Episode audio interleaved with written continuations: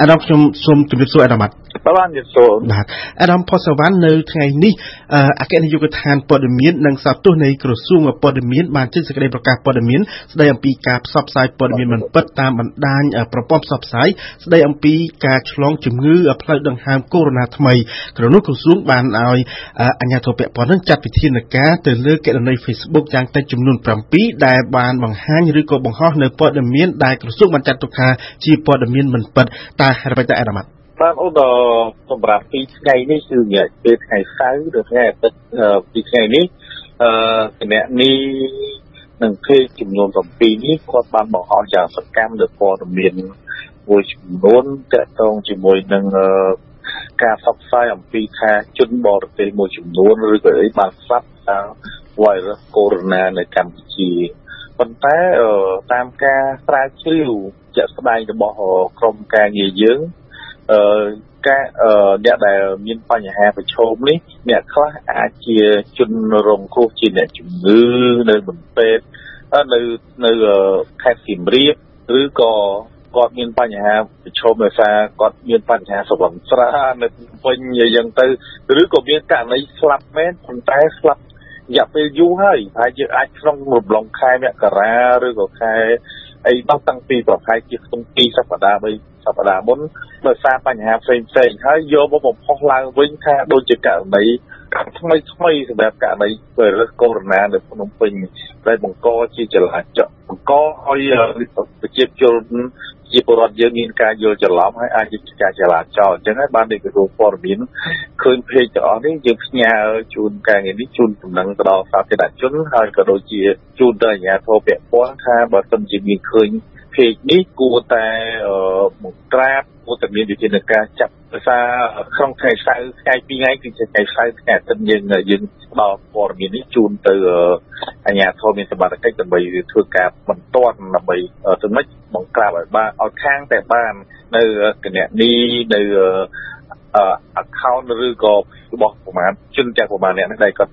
ដោយយ៉ាងសកម្មពេកណាអូនណាបាទអាដាមអាដាមអឺទន្ទឹមនឹងគ្នានេះបើតាមយោងតាមសេចក្តីប្រកាសព័ត៌មានរបស់អគ្គនាយកដ្ឋានព័ត៌មាននិងសោតទស្សន៍នៃក្រសួងព័ត៌មានរបស់អាដាមផ្ទាល់តែម្ដងហ្នឹងគឺថាអឺស្នើឲ្យសមាជិកគ្រប់លំដាប់ថ្នាក់នោះចាត់វិធានការបន្ទាន់ចំពោះម្ចាស់គណនី Facebook ឬក៏ account Facebook ដែលផ្សាយព័ត៌មានមិនពិតទាំងនេះនឹងប៉ុន្តែมันបានបញ្ជាក់ថាតើអ្វីទៅជាវិធានការអ្វីនៅឡើយទេ បាទនេះជាវិធានការបន្ទាន់សម្រាប់យើងហើយហើយដោះស្រាយបន្ទាន់បំផុតហើយដោយយើងឲ្យអ្នកអឺដោយអាជ្ញាធរមានបរិកិច្ចធ្វើថ្ងៃនេះជាថ្ងៃសៅរ៍ថ្ងៃអាទិត្យហើយស្អែកថ្ងៃច័ន្ទនេះយើងនឹងធ្វើការងារផ្ទាល់ជាមួយនឹងខាងក្រុមការងារ Facebook ឬក៏ខាងអីនេះដើម្បីពិនិត្យមើលថាតើយើងគួរប្លុកឬក៏យើងគួរថាគឺមិនជានឹងការចំពោះម្ចាស់ page ទាំងអស់នេះប៉ុន្តែมันមានការចាប់ដាក់ទោសអូដំណើរទេឬក៏ចំណាយអារម្មណ៍ បើសិនជាយើងរកឃើញជាក់ស្ដែង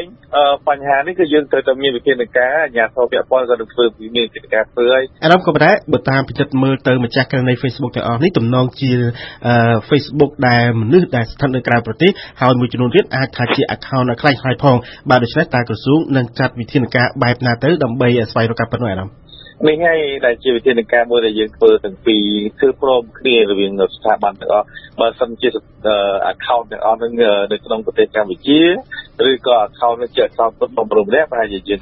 ចាត់តាមយុទ្ធការផ្សេងប៉ុន្តែតើយើងយល់ឃើញថា account នេះជា account ខ្លាំងខ្លាយហើយ អឺហើយជាទំនងជាបណ្ដៅក្នុងកម្ពុជាផងគឺយើងផ្សព្វផ្សាយឲ្យសាធារណជនយល់ដឹងផងហើយយើងនឹងចាត់ការពីការថាតើម្ចាស់ account ខ្លាំងខ្លាយទាំងអស់នេះជានរណា អាហ្នឹងយើងធ្វើព្រមគឺតែម្ដងមកយន្តការស្របគ្នារបស់ក្រសួងទាំង3គឺក្រសួងព័ត៌មានក្រសួងប្រៃសណីទូរមានទូរគមនាគមន៍ហើយនិងក្រសួងព័ត៌មានក្រសួងបាផ្ទៃបាទអាចនឹងមានការបិទ account Facebook ទាំងអស់នោះតែម្ដងឬក៏ចំណាយអារម្មណ៍ជាវិធានការនោះហើយយន្តការយើងធ្វើទៅស្របគ្នាអញ្ចឹងចឹងយើងចាំមើលលទ្ធផលបន្តទៀតនៅក្នុងថ្ងៃស្អែកឬក៏ថ្ងៃនេះបាទអារម្មណ៍អារម្មណ៍តើព័ត៌មានបែបណាដែលក្រសួងចាត់ទុកថាជាព័ត៌មានមិនពិតនោះអារម្មណ៍ ព័ត៌មានច្រើនអូនប៉ុន្តែ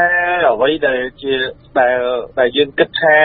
ពងប្រឈមថ្ងៃនេះគឺយើងយល់ឃើញថាព័ត៌មានដែលធ្វើបង្កឲ្យប្រជាពលរដ្ឋមានការភ័យខ្លាចតាក់ទងជាមួយនឹងវីរុសកូវីដ -19 នេះតាក់ទងជាមួយនឹងប្រជាពលរដ្ឋមានថាមានការស្អប់ធ្វើឬក៏ធ្វើឲ្យប្រជាពលរដ្ឋអស់មានការ បែកបាក់យល់ច្រឡំយល់ច្រឡំច្រើនអំពីការដែលរដ្ឋាភិបាលមិនមានវិធានការឬក៏រដ្ឋាភិបាលដែលមិនមិនយកចិត្តទុកដាក់ចំពោះបញ្ហាកូវីដ -19 តាមពិតការងារនេះរដ្ឋាភិបាលយកចិត្តទុកដាក់ណាស់កំពុងពិនិត្យវិจัยណាស់ប៉ុន្តែអ្នកមួយចំនួនទៀតគាត់ចេះតែយល់ច្រឡំឃើញថាគាត់បង្កបង្កើតបញ្ហាទាំងអស់នេះជាបានតែយើងយើងខំប្រឹងធ្វើការងារតាក់ទងជាមួយព័ត៌មានប្រភេទបែបនេះតាក់ទងជាមួយបំផុសជាមួយនឹងបញ្ហាកូវីដ -19 នេះអារម្មណ៍បើតាមអ្នកសារព័ត៌មានជឹកចាស់ម្នាក់បានលើកឡើងជាទេសនៈថាដើម្បីឲ្យដឹងថាតើព័ត៌មាននឹងពិតឬក៏ព័ត៌មាននឹងคล้ายៗនោះគឺថា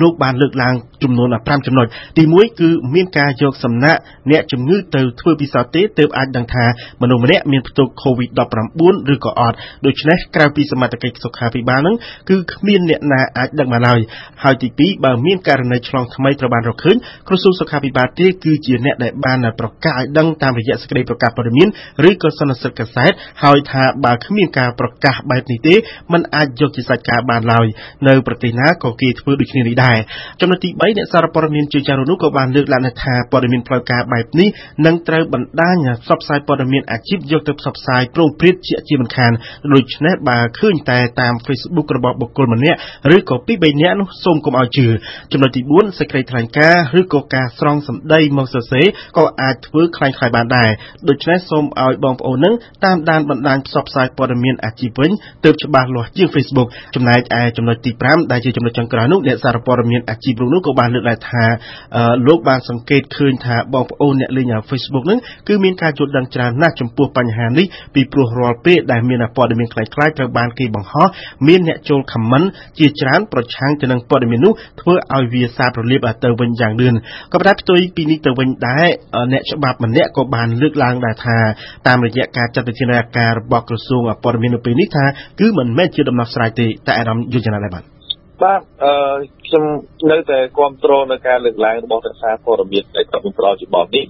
គឺយើងគិតថា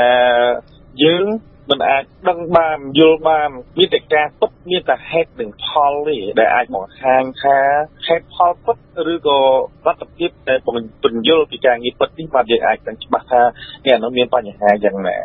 ហើយខ្ញុំចង់យកឱកាសនេះទៅយល់ដែរថាអ្នកសាអ្នកវិជាសាស្ត្រវិជាពលរដ្ឋឬក៏អ្នកលេងបណ្ដាញអ្នកសង្គមមួយចំនួនគាត់យល់ច្រឡំដែរគាត់ចិត្តតែថាបំផុសពលថា មានបញ្ហាប្រឈមកើតឡើងនៅនេះនៅនោះចឹងទៅតែជាតិពិតថាយើងលើកឡើងគឺថារដ្ឋាភិបាលឬក៏ក្រសួងព័ត៌មានឬក្រសួងសុខាភិបាលមានបំណងលាក់ព័ត៌មាននេះតែខ្ញុំចិត្តតែឆ្ងល់ថារឿងបញ្ហាហ្នឹងវាមានលក្ខដើម្បីប្រយោជន៍អីពីព្រោះបណ្ដាប្រទេសទាំងអស់មានគោលបំណងប្រយុទ្ធប្រឆាំងនឹងវីរុសកូវីដ -19 នេះទាំងអស់គ្នាយើងគ្មានទានជាចេតនាលាក់ទេហើយយើងត្រៀមបំរុងការពារទាំងអស់ឬបញ្ហានេះអញ្ចឹងតកតងជាមួយនឹងបញ្ហានេះខ្ញុំសូមឲ្យសាធារណជនទាំងអស់ថាយើងទ្រព្យសម្បត្តិតែ Facebook ខ្លួនឯងហ្នឹងលោកក៏បានជួយសហការមួយក្រសួងព័ត៌មានដាក់ថាជាជាពីព័ត៌មានផ្ទៀងផ្ទាត់មួយនៅលើ Facebook ក៏ របស់គ្នាបើសិនជាយើងយល់ឃើញថាព័ត៌មានមួយណា មានបញ្ហាប្រឈមយើងវាយវាយតែពាក្យថាកូវីដ -virus នៅក្នុង Facebook ទៅវាអាចលោតមកដល់ page មួយរបស់ក្រសួងសុខាភិបាលហើយអាចស្ទៀងស្ទាត់បានហើយថាព័ត៌មានពិតឬមិនពិតនេះជាចំណុចមួយដែលយើងចង់និយាយបញ្ជាក់យើងថាអានេះជាកិច្ចសហការរបស់ ខាងក្រុមហ៊ុន Facebook ជាមួយនឹងរដ្ឋាភិបាលបញ្ជាក់ចឹងថានឹងព័ត៌មានពិតឬមិនពិតអញ្ចឹងយើងអាចផ្ទៀងផ្ទាត់បានហើយកុំ share កុំ អឺគុំគុំមកផ្សព្វផ្សាយបន្តទៅព័ត៌មានទាំងពីរហ្នឹងទាំងអស់ដែលមិនបានស្ទៀងផ្ទាត់ហ្នឹងនាំឲ្យប្រជាពលរដ្ឋយល់ច្រឡំហើយខ្ញុំគ្រប់គ្រងណាអ្វីដែលរក្សាព័ត៌មានយើងបានលើកឡើងចំណុចទាំង4ដល់មិញនេះទៅបាទអាដាមអាដាមអឺបើផ្អែកតាមសេចក្តីប្រកាសព័ត៌មាននេះគឺថាចាត់វិធានការតែទៅលើអគ្គនាយក Facebook ចំនួន7នីតិចុះប៉ុន្តែចំពោះអ្នកដែល share បន្តវិញថាតើក្រសួងនឹងចាត់វិធានការដែរទេឬក៏យ៉ាងណាអាដាមអឺយើង យើងក៏យើងចង់ជម្រាបជូនសាធារណជនដែរថាព័ត៌មានដែល share ព័ត៌មានខុសយោងច្បាប់របបសារព័ត៌មានកម្ពុជាថាអ្នកដែលផ្សព្វផ្សាយព័ត៌មានមិនពិតផ្សព្វផ្សាយព័ត៌មានដែលខុសហើយអ្នកផ្សព្វផ្សាយដែលបន្តក៏ខុសដែរអ ចឹងចង់និយាយថាបើសិនជាករណីថាក្រសួងព័ត៌មានរមិនឃើញទេអ្នកដែលផ្សព្វផ្សាយព័ត៌មានអ្នកដែលផ្សព្វផ្សាយព័ត៌មានតែម្ដងប៉ុន្តែឃើញអ្នកផ្សព្វផ្សាយបន្តអញ្ចឹងយើងនឹងចាត់ចាត់វិធានការអ្នកផ្សព្វផ្សាយបន្តដែរបាទមានន័យថានឹងជាប់នឹងជាប់ជាមួយគ្នាដែរជាប់ដែរអញ្ចឹងយើងស្គប់ទៅលិនជាមួយគេដែរយើងក៏ដឹងរឿងអីដែលយើងផ្សព្វផ្សាយអញ្ចឹងមកសូមឲ្យអ្នកអ្នកដែល share អ្នកដែលផ្សព្វផ្សាយបន្តហ្នឹងពិនិត្យមើលផងតើតើសារព័ត៌មានហ្នឹង វាមានប្រភពមកពីខាងណាគួរឲ្យទុកចិត្តគួរឲ្យយើងផ្សព្វផ្សាយបន្តដែរទេគួរឲ្យ share គួរឲ្យ like ដែរទេបាទបាទអាដាមអាដាមក្រៅពីវិធានការដែលក្រសួងបានប្រកាសនៅថ្ងៃនេះថាថាក្រសួងនឹងដាក់ចេញនៅវិធានការអ្វីបន្ថែមទៀតទៅលើបញ្ហានេះអាដាមអឺយើងមិនឈប់ត្រឹមនេះទេយើងនឹងធ្វើការងារ បន្តទៀតវិធានការនឹងហើយនិយាយត្រង់ទៅតែម្ដងខ្ញុំក្នុងនាមជាអគ្គនាយកដ្ឋាននៅឡើយអញ្ចឹងវិធានការទាំងឡាយមួយចំនួនទៀតដែលយើងគិតគិតនេះយើងនឹងផ្ញើជូនសុំការសម្រេចពីថ្នាក់ដឹកនាំបន្តបន្តទៀតពីអៃដាមរដ្ឋមន្ត្រីក្រសួងព័ត៌មានឬក៏អៃដាមរដ្ឋមន្ត្រីក្រសួងព័ត៌មានក៏ស្នើសុំការសម្រេចបន្តពីពីថ្នាក់ដឹកនាំថែមទៀតថាតើយើងត្រូវធ្វើដល់កម្រិតណាបាទអារម្មណ៍អារម្មណ៍ក៏ប៉ុន្តែមានការលើកឡើងថាការចាត់វិធានការរបស់ក្រសួងនេះគឺថាមិនត្រឹមត្រូវទេប៉ុន្តែអ្វីដែលសំខាន់នោះគឺថាគឺការកសាងទំនុកចិត្តទៅដល់ប្រជាពលរដ្ឋទៅវិញទេអារម្មណ៍ ជាជំហានដំបូងយើងអាចកសាងទំនុកចិត្តហើយប៉ុន្តែបញ្ហាជីវវិធានការដែលយើងចាត់ការយើងមិនដែលបានសកស្ាយទេយើងធ្វើការផ្ទាល់តែម្ដងជាមួយនឹងស្ថាប័នមានសមត្ថកិច្ចទាំងក្រសួងប្រៃសណីក៏ដូចក្រសួងមហាផ្ទៃតែអ្វីដែលយើងបានធ្វើគឺយើងមិនដែលសកស្ាយទេយើងទុកយើងសកស្ាយតែអ្វីដែលជាបញ្ហាដែលកសាងទំនុកចិត្តជួយវិជាពលរដ្ឋអ្វីដែល